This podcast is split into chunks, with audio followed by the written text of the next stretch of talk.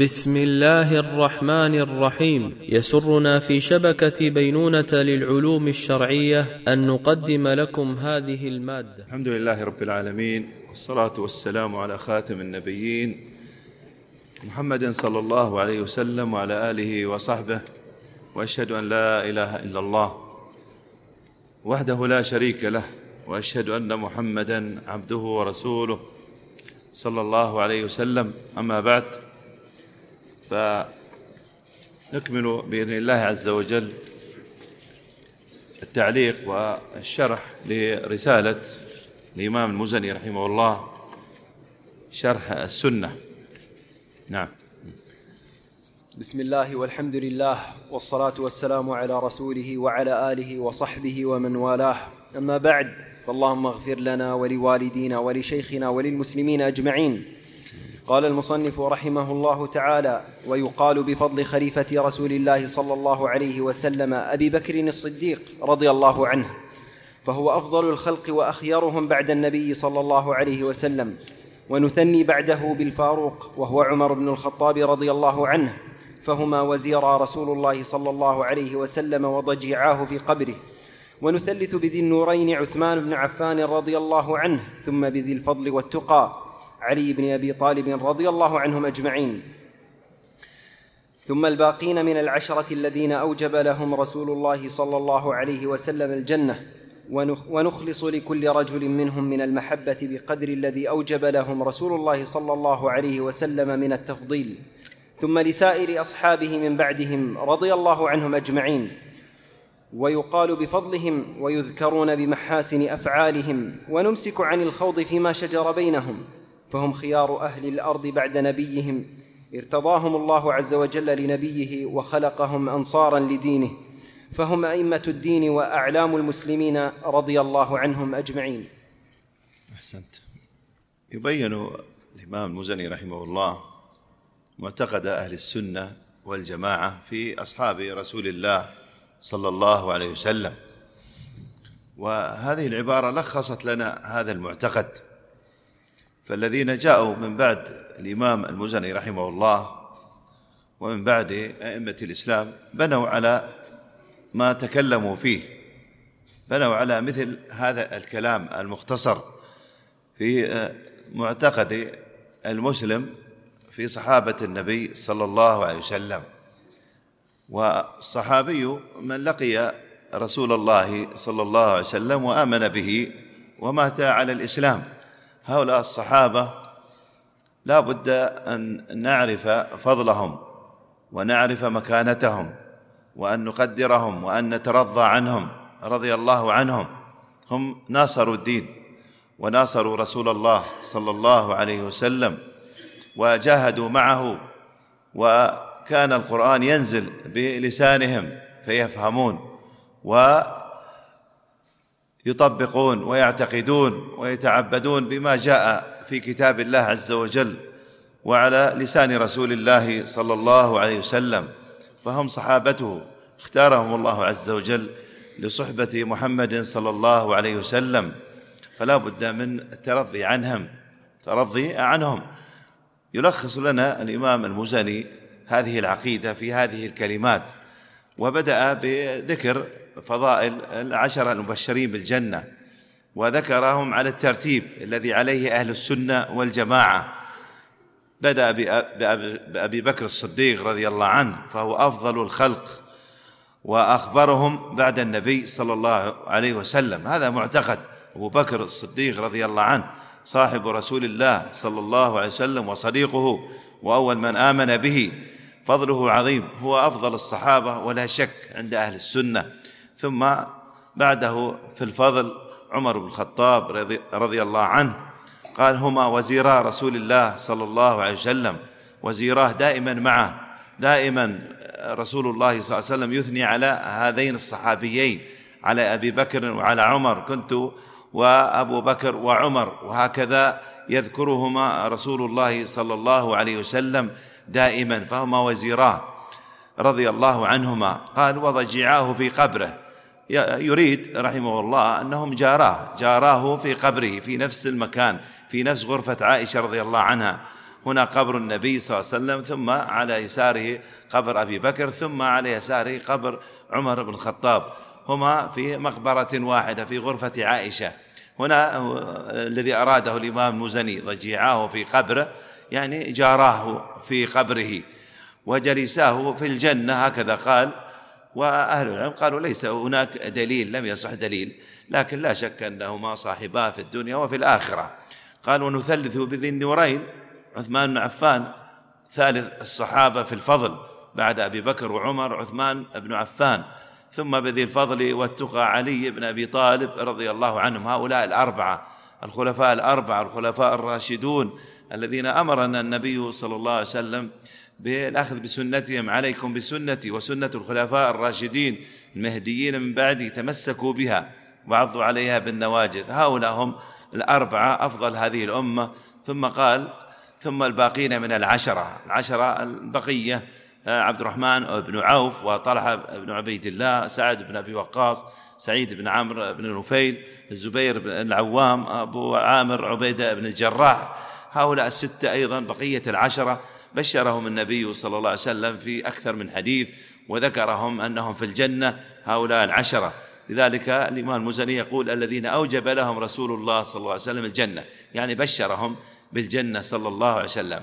قال ونخلص لكل رجل منهم من المحبة. واجب محبة الصحابة رضي الله عنهم. وبل هو من الإيمان كما أخبر النبي صلى الله عليه وسلم عن الأنصار. حب الأنصار من الإيمان. قال صلى الله عليه وسلم فالمؤمن لا يبغض الصحابة ولا يتكلم عنهم ولا يخوض فيما شجر بينهم من خلاف ومن اجتهاد. نخلص لكل رجل منهم من المحبة بقدر الذي أوجب لهم رسول الله صلى الله عليه وسلم من التفضيل. والنبي صلى الله عليه وسلم نهى عن سبهم قال لا تسبوا أصحابي فإن أحدكم لو أنفق مثل أحد ذهبا ما بلغ مد أحدهم ولا نصيفة.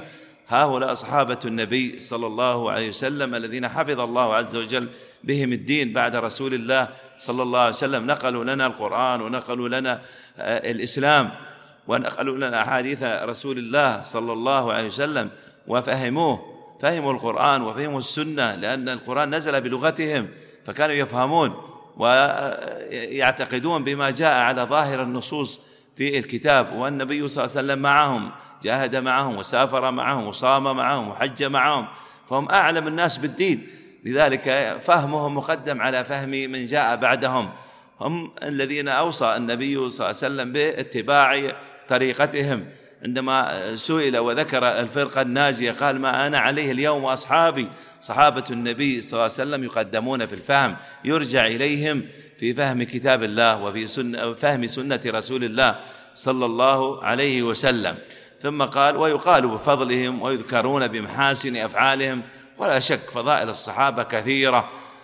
والبخاري رحمه الله كتاب فضائل الصحابة وهكذا الإمام مسلم كتب السنة مليئة بالأحاديث بالإضافة إلى الآيات الكثيرة التي جاءت تذكرهم بخير وتزكيهم رضي الله عنهم. يقال بفضلهم ويذكرون بمحاسن أفعالهم.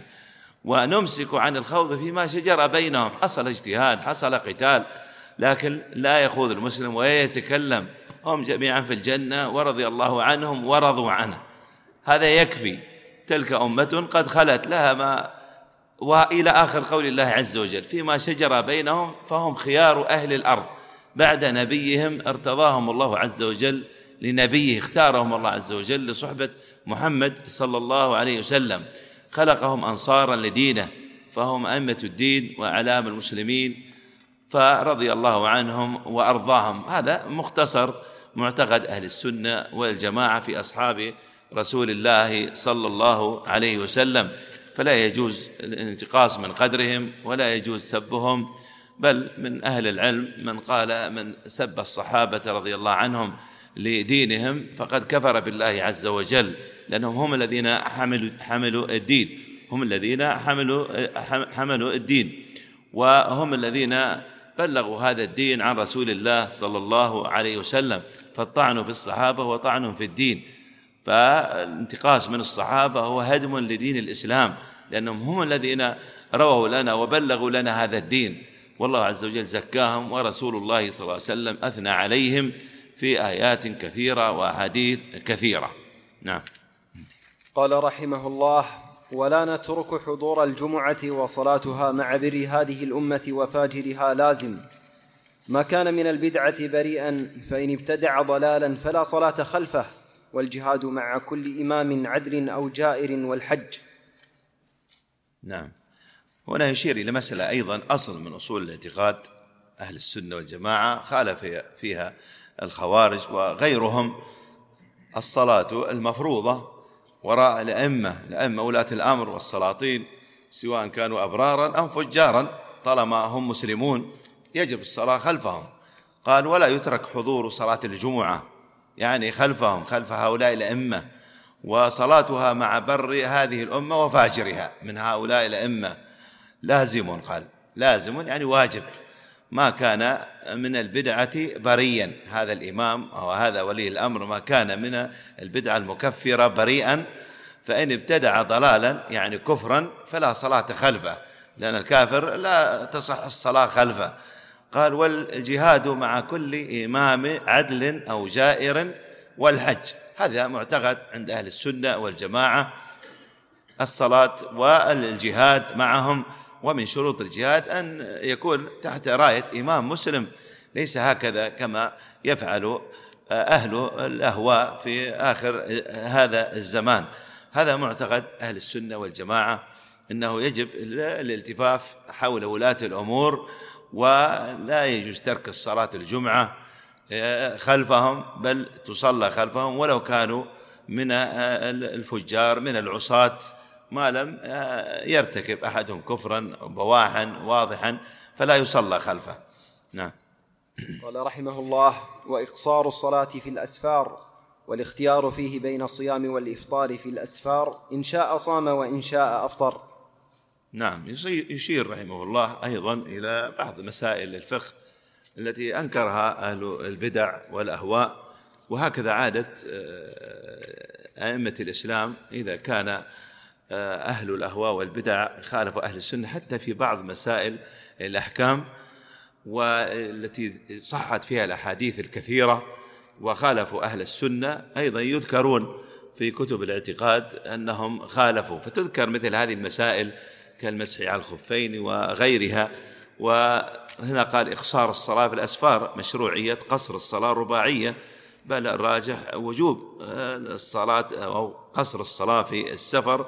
لأن الأصل في الصلاة ركعتان فزيدت في الحضر وبقيت في الحضر ركعتان كما جاء من حديث عائشة رضي الله عنها عن رسول الله صلى الله عليه وسلم. إقصار الصلاة في الأسفار واختيار والاختيار فيه بين الصيام والإفطار في الأسفار. في السفر في شهر رمضان مخير المسلم أن يصوم أو يفطر عنده رخصة في السفر. هذا قال إن شاء صام وإن شاء أفطر. مسائل في فقه يذكرها أهل العلم كما أشرت في لأن من أهل الهواء خالفوا فيها خالفوا أهل السنة وتذكر بعض مسائل الفقه والأحكام هنا في كتب العقيدة بسبب أن بعض الفرق الضالة خالفت أهل السنة وأنكرت ذلك وأنكرت لأنهم خالفوا أهل السنة فأهل السنة يذكرون في كتب الاعتقاد في الرد على أهل الأهواء وأيضا في رد الرد عليهم في بعض مسائل الفقه التي كثرت فيها الأحاديث وثبتت أحاديث عن رسول الله صلى الله عليه وسلم. نعم. قال رحمه الله هذه مقالات وأفعال اجتمع عليها الماضون الأولون من أئمة الهدى وبتوفيق الله اعتصم بها التابعون قدوة ورضا وجانبوا التكلف فيما كفوا فسددوا بعون الله ووفقوا لم يرغبوا عن الاتباع فيقصروا ولم يجاوزوه تزيدا فيعتدوا. فنحن بالله واثقون وعليه متوكلون وإليه في اتباع آثارهم راغبون. نعم كلام الإمام المزاي رحمه الله واضح جدا. هذه مقالات وأفعال يتكلم عن اجتماع أو إجماع أهل السنة من الصحابة ومن التابعين لهم بإحسان. إجماع على ما سبق من أصول الاعتقاد التي بينها في هذه الرسالة. هي قال هذه بعد يعني الذي ذكرت سابقا في كتابي هذا أو في رسالتي أو في جوابي على السؤال مقالات أقوال وأفعال وأيضا أصول الإيمان وأصول الاعتقاد التي ذكرتها في هذا الكتاب اجتمع عليها الماضون الأولون من أئمة الهدى الصحابة رضي الله عنهم أجمعوا على هذه العقيدة التي ذكرتها لكم. هكذا يقول الإمام المزني رحمه الله. قال وبتوفيق الله اعتصم بها التابعون تابعون للصحابة بإحسان الذين أخذوا عنهم الإسلام والدين. أيضا وافقوا الصحابة على إجماعهم اعتصم بها التابعون قدوة ورضا اقتدوا بهم وأخذوا بفهم الصحابة رضي الله عنهم وخاصة في مسائل الاعتقاد التي ذكرها الإمام المزني في هذا الكتاب ورضوا بها قدوة ورضا بما أجمع عليه الصحابة رضي الله عنهم. قال وجانبوا التكلف فيما كفوا. يعني جانبوا الزيادة ما زادوا من عند من عندهم أمرا من أمور الاعتقاد التي تتعلق بالأصول الإيمان وأصول العقيدة وبما يتعلق بالله عز وجل وبالقرآن وبغيرها ما زادوا شيء أخذوا من كتاب الله وسنة رسول الله صلى الله عليه وسلم وما أجمع عليه الصحابة. جانبوا التكلف فيما كفوا. خلاص كفوا آه، ببيان الإسلام في الكتاب وفي السنة والصحابة رضي الله عنهم بينوا. بينوا ما في الكتاب وفي السنة وأجمعوا على كثير مما جاء فيه. جانبوا التكلف الذين جاءوا بعدهم ما زادوا عليهم. ما زادوا عليهم. وهذا تابعون فما بالك في أيامنا. فلذلك المسلم يلتزم ويعتصم بما جاء. عن صحابة النبي صلى الله عليه وسلم بما فهموه من كتاب الله ومن سنة رسول الله صلى الله عليه وسلم من النصوص وما يتعلق بالاعتقاد والإيمان والقرآن والدين كله. لا يجوز الزيادة فيه لا في أمر من أمور العقيدة ولا يجوز التكلم أيضا في أمر لم يتكلموا فيه صحابة النبي صلى الله عليه وسلم ومن تبعهم بإحسان. قالوا فسددوا بعون الله ووفقوا أو سددوا بعون الله ووفقوا وفقوا يعني سددوا أصابوا أصابوا الحق. السداد هو إصابة الحق. فسددوا بعون الله عز وجل الله عز وجل أعانهم فأصابوا. هؤلاء صحابة النبي صلى الله عليه وسلم والتابعون لهم بإحسان. وفقوا من الله عز وجل وفقهم الله عز وجل إلى المعتقد الصحيح إلى فهم الإسلام فهما صحيحا. قال لم يرغبوا عن الاتباع فيقصروا. لم يرغبوا يعني في الزيادة في الدين. بل اكتفوا بالاتباع اتباع الكتاب والسنة وما كان عليه صحابة النبي صلى الله عليه وسلم في فهم الإسلام. ما زادوا من عندهم لم يرغبوا عن الاتباع لم يبتعدوا عن الاتباع لم يتركوا اتباع النبي صلى الله عليه وسلم والصحابة. فلو ولو تبعوهم كان قصروا في الدين. قال ولم يجاوزوه تزيدا فيعتدوا. تجاوز والزيادة هو الغلو لم يغلوا فيه. كانوا في اعتدال لم يقصروا ولم يزيدوا لم يغلوا في دينهم. أخذوا بالدين الإسلام الدين الوسط في كل الأمور في كل ما جاء في الكتاب وفي السنة وبفهم صحابة النبي صلى الله عليه وسلم. هذه خلاصة يريد أن يختم الآن رسالته الإمام المزني.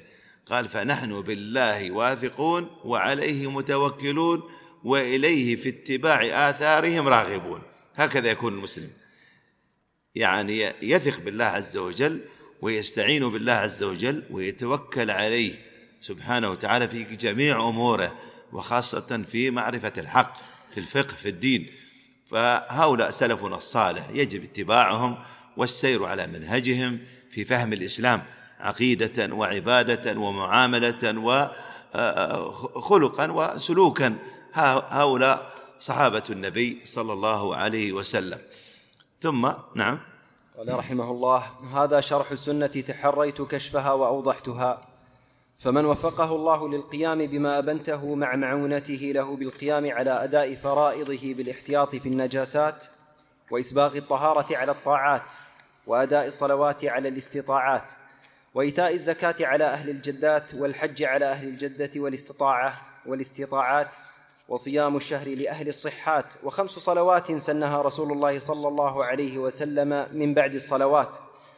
صلاة الوتر في كل ليلة وركعتي الفجر وصلاة الفطر والنحر وصلاة كسوف الشمس والقمر إذا نزل وصلاة الاستسقاء متى وجب.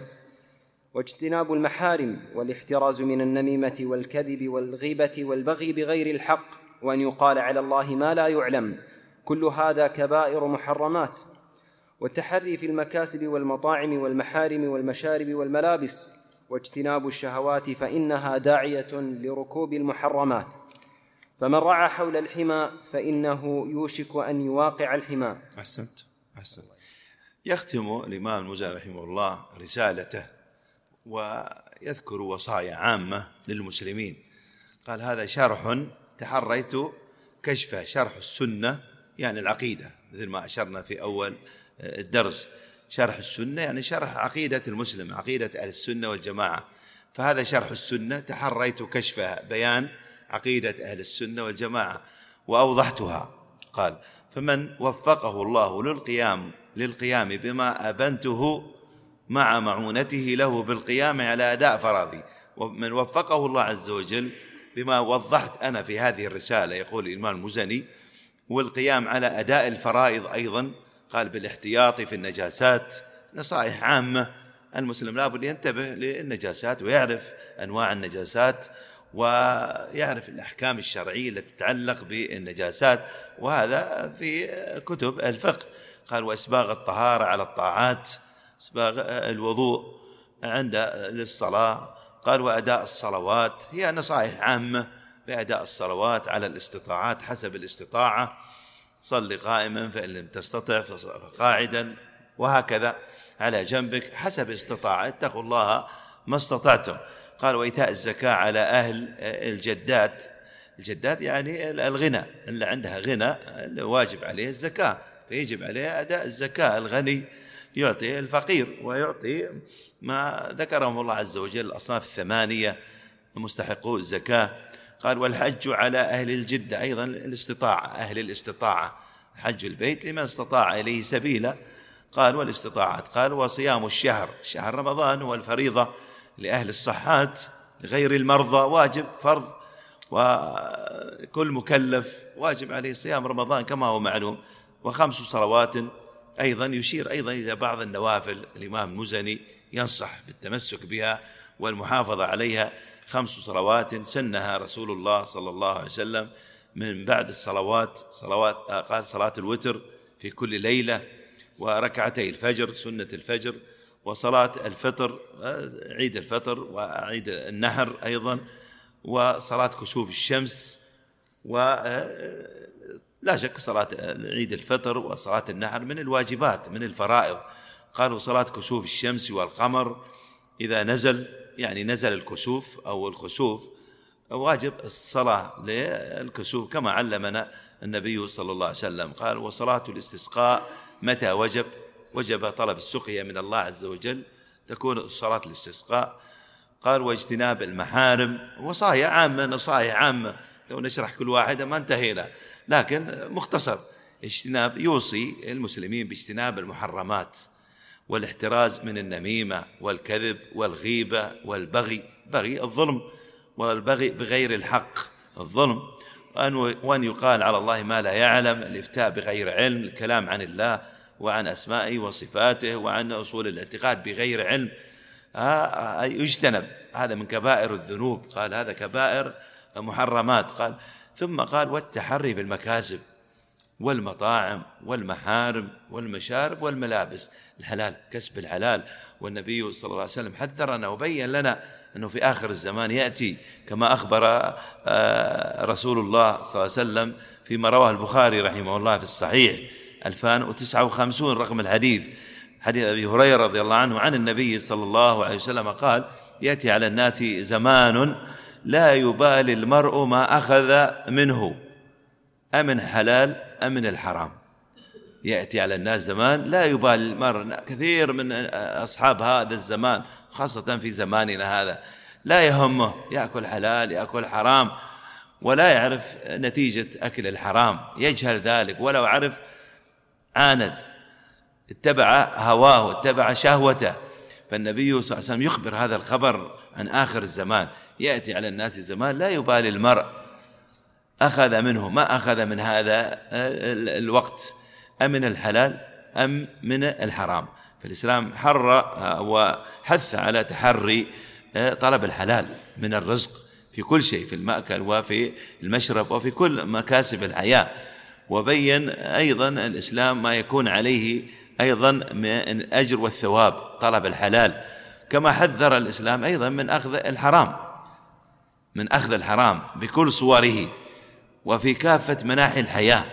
في هذا الحديث آه، الصحيح النبي صلى الله عليه وسلم أن الناس في آخر الزمان آه، تتغير أحوالهم تتبدل بهم الأزمان. يأتي آه، في ذاك الزمان يضعف فيه الدين عند الناس يضعف الخوف من الله عز وجل تفسد الضمائر والذمم. إلا من رحم الله عز وجل من ثبت على دينه. يتكالب الناس على جمع المال. لا يبالي المرء من أين أصاب المال من حلال أو حرام. لا تهمه الوسيلة. الآن انظروا إلى حياة الناس أكثر الناس. لا تهمه الوسيلة التي يكتسب بها المال. الطريق الذي أخذ منه سواء حلال أو حرام ما يعرفون أكثر الناس يتساهلون في الربا وفي القمار وفي الرشوة وفي غيرها. هدفهم جمع المال تكسب دون تحلي الحلال والحرام. في هذا الحديث أيضا ذم هذا الأمر يأتي على الناس زمان لا يبالي المرء ما أخذ منه أمن الحلال أمن الحرام. فنسأل الله وإياكم العافية. فيجب على المسلم أن يتحرى الحلال والشيخ هذا ينصح في آخر رسالته التحري في المكاسب والمطاعم الأكل والمحارم والمشارب والملابس. اتقل المحرمات بأنواعها المكاسب من مكاسب المحرمة. ثم قال اجتناب الشهوات.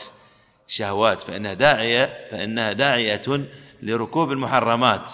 ارتكاب الشهوات والتساهل في الشهوات هي سبب ووسيلة لفعل المحرمات والكبائر. قال فمن رعى حول الحمى فإنه يوشك أن يواقع الحمى. لا تقترب من المحرمات. تقول هذا مكروه هذا شبهة وتتساهل. لا ستقع في الحرام. كما أخبر النبي صلى الله عليه وسلم من وقع في الشبهات وقع في الحرام.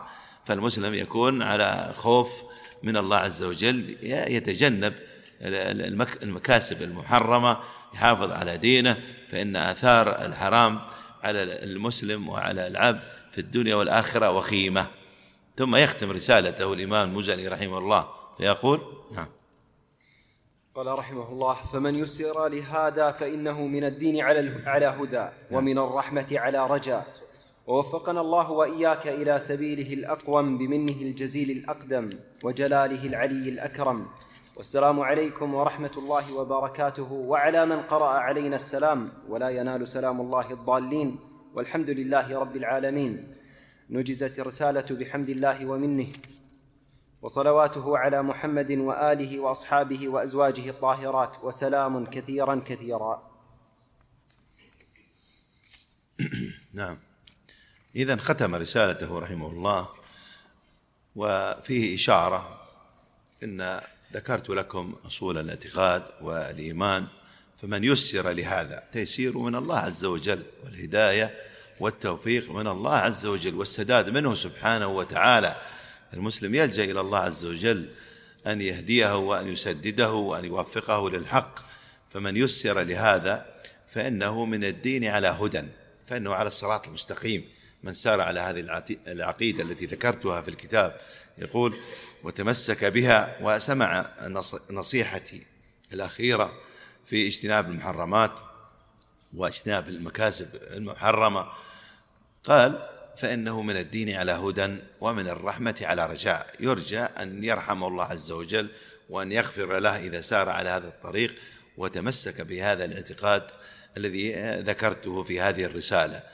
ثم دعا رحمه الله ووفقنا الله وإياك إلى سبيله. أيها القارئ أيها المستمع القارئ لرسالة آه، الله عز وجل يوفقك وأيضا قال وإياك إلى سبيل وفقنا وإياك يدعو لنفسه ولمن استمع أو قرأ رسالته إلى سبيل الله عز وجل. قال الأقوم يعني الصراط المستقيم بمنه الجزيل. الأقدم وجلاله العلي الأكرم. أيضا يذكر آه، بعض أسماء الله عز وجل في آخر رسالته كما ذكرها في المقدمة أيضا. ثم يقول السلام عليكم ورحمة الله وبركاته وعلى من قرأ علينا السلام. ولا ينال سلام الله الضالين والحمد لله رب العالمين.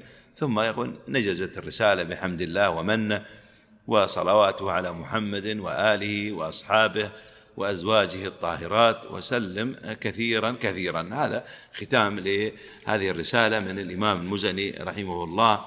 ولا شك أن انتفعنا بفضل الله عز وجل من هذه الرسالة واستفدنا منها وتعلمنا من هذه الرسالة فما يتعلق بكثير من أصول الاعتقاد. نريد ما دام عندنا في الوقت ننقل لكم أو نعطيكم بعض الفوائد أيضا تتعلق بالاعتقاد ونشير إلى مسائل تتعلق بالمنهج والعقيدة. اولا نهديكم هدية قاعدة قاعدة من قواعد معرفة البدعة. هذه القاعدة تضبط لكم كثيرا مما أحدثه الناس وخاصة من المتأخرين. فنكتب هذه القاعدة التي ذكرها أهل العلم لأنها تفيدكم جدا. وقد لا توجد بسهولة في مراجع مراجع الفقه أو غيرها. القاعدة ذكرها بعض أهل العلم من المحققين وتقول القاعدة هذه هي قاعدة من قواعد معرفة البدعة. أهل العلم وضعوا هذه القاعدة لمعرفة البدعة والتمييز بين البدعة والسنة. وهذه تنفع المسلم وخاصة طلبة العلم لأنهم سيرون كثيرا من الأمور من المحدثات التي أحدثها الناس من خلال هذه القاعدة يعرفون يعرفون أنها من المحدثات.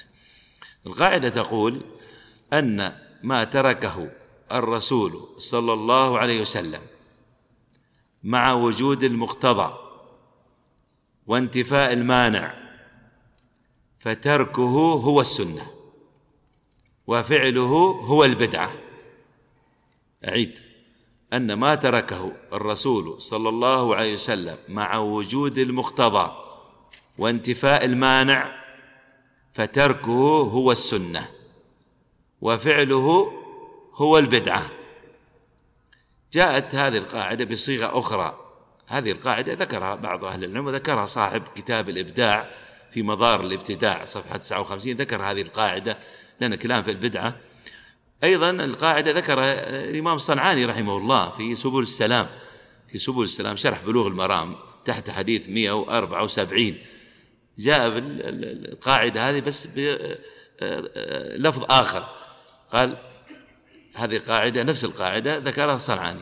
إن ما وجد سببه في عصر رسول الله صلى الله عليه وسلم ولم يفعله. ففعله بعد عصره بدعة فلا يصح إثباته بقياس ولا غيره. نفس القاعدة معناها من كلام الإمام الصنعاني رحمه الله إنما وجد سببه في عصر رسول الله صلى الله عليه وسلم ولم يفعله ففعله بعد عصره بدعة فلا يصح إثباته بقياس ولا غيره. مثل هذه القاعدة دلت عليها الأدلة بل من أهل العلم قال هناك سنة تركية. تركية يعني فيه كان سبب للعبادة والتقرب إلى الله عز وجل. لكن النبي صلى الله عليه وسلم تركه. ما تقرب إلى الله عز وجل في هذا الموطن أو في هذا الوقت أو في هذه الساعة أو في هذا اليوم. ما حدد وما ذكر وما تقرب إلى الله عز وجل بهذه القربة التي تقرب إلى الله. والنبي صلى الله عليه وسلم هو أتقى أتقاكم لعباد الله. أتقاكم لله عز وجل. كما أخبر عن نفسه أنا أتقاكم لله وأخوفكم منه. كما قال صلى الله عليه وسلم فلا يمكن أن النبي صلى الله عليه وسلم يقصر في قربة أو في عبادة تقرب إلى الله عز وجل. لا يمكن. فوجد السبب في عصر رسول الله صلى الله عليه وسلم لكن لم يفعله. نأخذ مثال مثال أيضا للتوضيح. مثلا الدعاء الجماعي بعد الصلوات الخمس. النبي صلى الله عليه وسلم صلى بالصحابة. ويصلي بهم الصلوات الخمس ويلتفت إليهم ويذكر الله عز وجل في أذكار بعد. ولا مره رفع يديه ودعا وأمن المصلون ولا مره هذه لو كانت عبادة وقرب إلى الله عز وجل لفعلها ليش؟ لأن المقتضى موجود وما في مانع. ما في مانع. تركه الرسول صلى الله عليه وسلم مع وجود المقتضى وانتفاء المانع تركه السنة. ترك هذا الدعاء الجماعي السنة وفعله هو البدعة. شوف القاعدة هذه تندرج تحتها كثير من بدع الناس التي أحدثوها في آخر الزمان في المناسبات وفي الموالد وفي غيرها مما أحدثه الناس. يتقربون إلى الله عز وجل ببعض العبادات. لكن لو كان في زمن النبي صلى الله عليه وسلم هي قربة لفعلها. فعلها النبي صلى الله عليه وسلم. إنما وجد سببه في عصر رسول الله صلى الله عليه وسلم ولم يفعله. لم يفعله. يعني كان النبي صلى الله عليه وسلم ممكن يأمر الناس مثلا عند آه، صلاة الاستسقاء بالأذان أو يأمرهم بأن يقول الصلاة جامعة صلاة آه، الاستسقاء مثلا أو صلاة العيدين. كان ممكن يقول لهم أذنوا ما كان يقولوا يقولوا الصلاة لكن ما قال لهم. إذا الذي يؤذن لصلاة العيد أو صلاة الاستسقاء ابتدع في دين الله عز وجل لأن النبي صلى الله عليه وسلم تركه فالسنة ترك الأذان. والإمام الصنعاني أصلا ذكر هذه القاعدة عند الكلام في عن صلاة الكسوف. وصلاة الكسوف ثابت فيها أن ينادى فيها الصلاة جامعة. فبعض الفقهاء قاسوا هذا على صلاة العيدين. على صلاة العيدين. قالوا أيضا يقال لصلاة العيدين الصلاة جامعة. قياسا على صلاة الكسوف. هو يرد عليهم الإمام الصنعاني في هذا الحديث. تحت حديث 174 في بلوغ المرام مع شرحه سبل السلام. هذه قاعدة تفيدكم كثير وتوضح لكم كثير من الأمور التي أحدثها الناس عبادات قربات إلى الله عز وجل. لو كان السبب موجود في عهد النبي صلى الله عليه وسلم ولم يوجد المانع لفعلها النبي صلى الله عليه وسلم لكن تركها. تركها لأنها ليست من الدين لأن السنة تركها لأن السنة تركها وفعلها بدعة إحداث في الدين. هنا أيضا تحذير أيضا من الفوائد نختم بها هذا الدرس وهي تتعلق أيضا بالعقيدة وبالبدعة في درس الاعتقاد. تحذير من الإمام مالك رحمه الله. إمامنا الإمام مالك يقول رحمه الله إياكم والبدع. قيل وما البدع؟ وما البدع يا إمام؟ قال أهل البدع هم الذين يتكلمون في أسماء الله وصفاته وكلامه وعلمه وقدرته ولا يسكتون عما سكت عنه الصحابة. والتابعون لهم بإحسان. شوف منهج منهج عند أئمتنا. هذا الإمام مالك وهذا بسند صحيح ذكره البغوي في شرح السنة عن الإمام مالك رحمه الله هذا الأثر. أعيد إياكم والبدع. يحذر هذه الأمة يحذر المسلمين من البدع. من البدع. قيل وما البدع؟ وضح لنا يا إمام ما هي البدع؟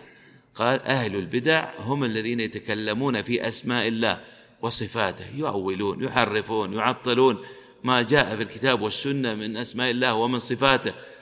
قال هم الذين يتكلمون في أسماء الله وصفاته وكلامه وعلمه وقدرته ولا يسكتون عما سكت عنه الصحابة. شوف يعيدنا رحمه الله إلى فهم الصحابة. الصحابة سكتوا ما أعلم الناس بالدين سكتوا. ما تكلموا في هذه الأمور ولم يؤولوا. هذه النصوص أخذوها على ظاهرها ولم يسألوا النبي صلى الله عليه وسلم عن الكيفية ولا عن هذه الصفات. أخذوها عرب يفهمون. فهموها كما جاءت في الكتاب والسنة. أما الذين خالفوا الصحابة ابتدعوا سماهم الإمام مالك أهل الأهواء أهل البدع. قال لا يسكتون عما سكت عنه الصحابة والتابعون لهم بإحسان فيجب علينا السكوت. ولذلك يأتي بعد الإمام مالك بسنوات. الإمام الأوزاعي رحمه الله الإمام الأوزاعي رحمه الله بعد الإمام مالك في زمنه في زمن الإمام مالك والشافعي في نفس القرن. يقول الإمام الأوزاعي رحمه الله أصبر نفسك على السنة أصبر نفسك على السنة تعلم السنة واصبر عليها واثبت عليها وادعو الناس إلى هذه السنة. السنة هي العقيدة. هي الإسلام. اثبت عليه اصبر نفسك على السنة. وقف حيث وقف القوم. قوم صحابة النبي صلى الله عليه وسلم تكلموا في الدين وتوقفوا في مسائل. انت قف لا تتكلم فيها خليك معهم. سر على منهجهم تمسك بمنهجهم. قف حيث وقف القوم وقل بما قالوا وكف عما كفوا عنه. إيش قالوه من أصول الاعتقاد في القدر وفي الصفات وفي القرآن. قف معهم لا تزيد. كف عما كفوا عنه. اسكت اترك ما تركوه. هم أعلم الناس بهذا الدين. ثم قال رحمه الله واسلك سبيل سلفك الصالح فإنه يسعك ما وسعهم. ولو كان خيرا ما خصصتم به دون أسلافكم. ذكره اللالكائي رحمه الله في أصول اعتقاد أهل السنة بسند صحيح في المجلد الأول هذا الأثر مسند. إذا آخر عبارة قال واسلك سبيل سالفك الصالح. هذا الكلام من 1200 سنة وأكثر. هناك طريق لسلفنا الصالح منهج ليست جماعة ولا حزب. ما في حزب سلفي ولا جماعة سلفية في منهج سلفي.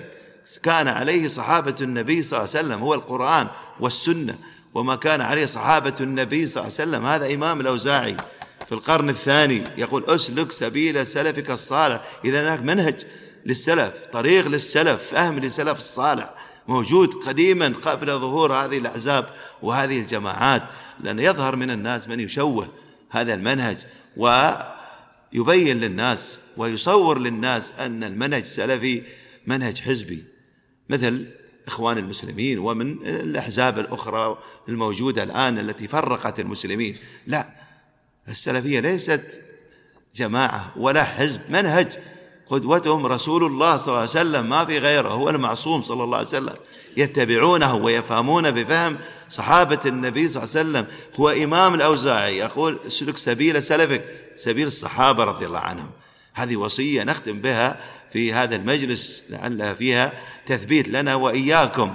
وفيها بيان أيضا فعلينا القيام بهذا المنهج وتعلم منهج صحابة النبي صلى الله عليه وسلم في منهج الإسلام والإمام المزني بين لنا في هذه الرسالة أصول الاعتقاد هؤلاء الصحابة رضي الله عنهم ومن سار على هديهم نسأل الله عز وجل أن يفقهنا وإياكم في ديننا وأن يعصمنا وإياكم من الزلل. هنا بعض الأسئلة جاءت ما أظن في وقت للإجابة على هذه الأسئلة كثيرة.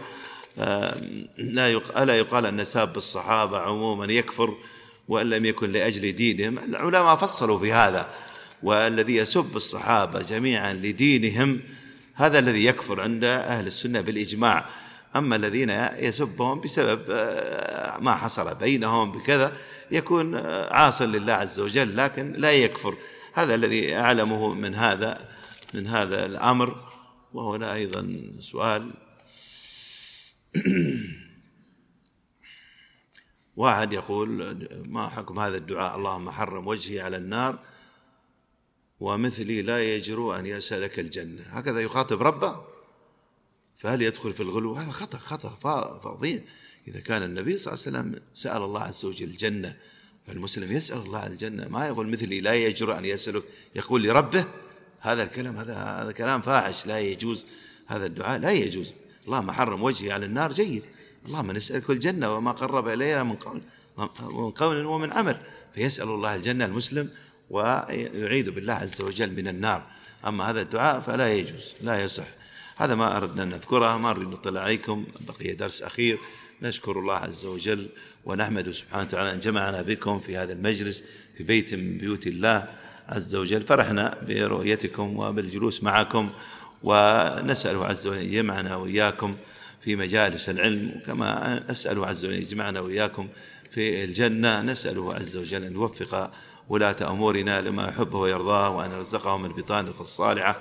نشكر دائرة الشؤون الإسلامية والعمل الخيري بدبي على إذنهم بمثل هذه الدورة وتشجيعهم للعلم الشرعي. كما نشكر أيضا القائمين على مركز رياض الصالحين الإسلامي الذي هو السبب في إقامة هذه الدورة. ونشكر إخواننا أيضا المشايخ وطلبة العلم كما نشكركم جميعا على حسن الأدب وحسن الإنصات وحسن الاستماع وأسأل الله عز وجل أن يفقهنا وإياكم في ديننا وأن يجعلنا من العاملين بما سمعنا. كما نسأل عز وجل لي وإياكم حسن الخاتمة وآخر دعوانا.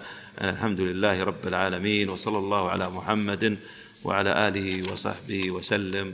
وجزاكم الله خيرا وبارك فيكم. للاستماع إلى الدروس المباشرة والمسجلة والمزيد من الصوتيات يرجى زيارة شبكة بينونة للعلوم الشرعية على الرابط بينونة دوت نت وجزاكم الله خيرا.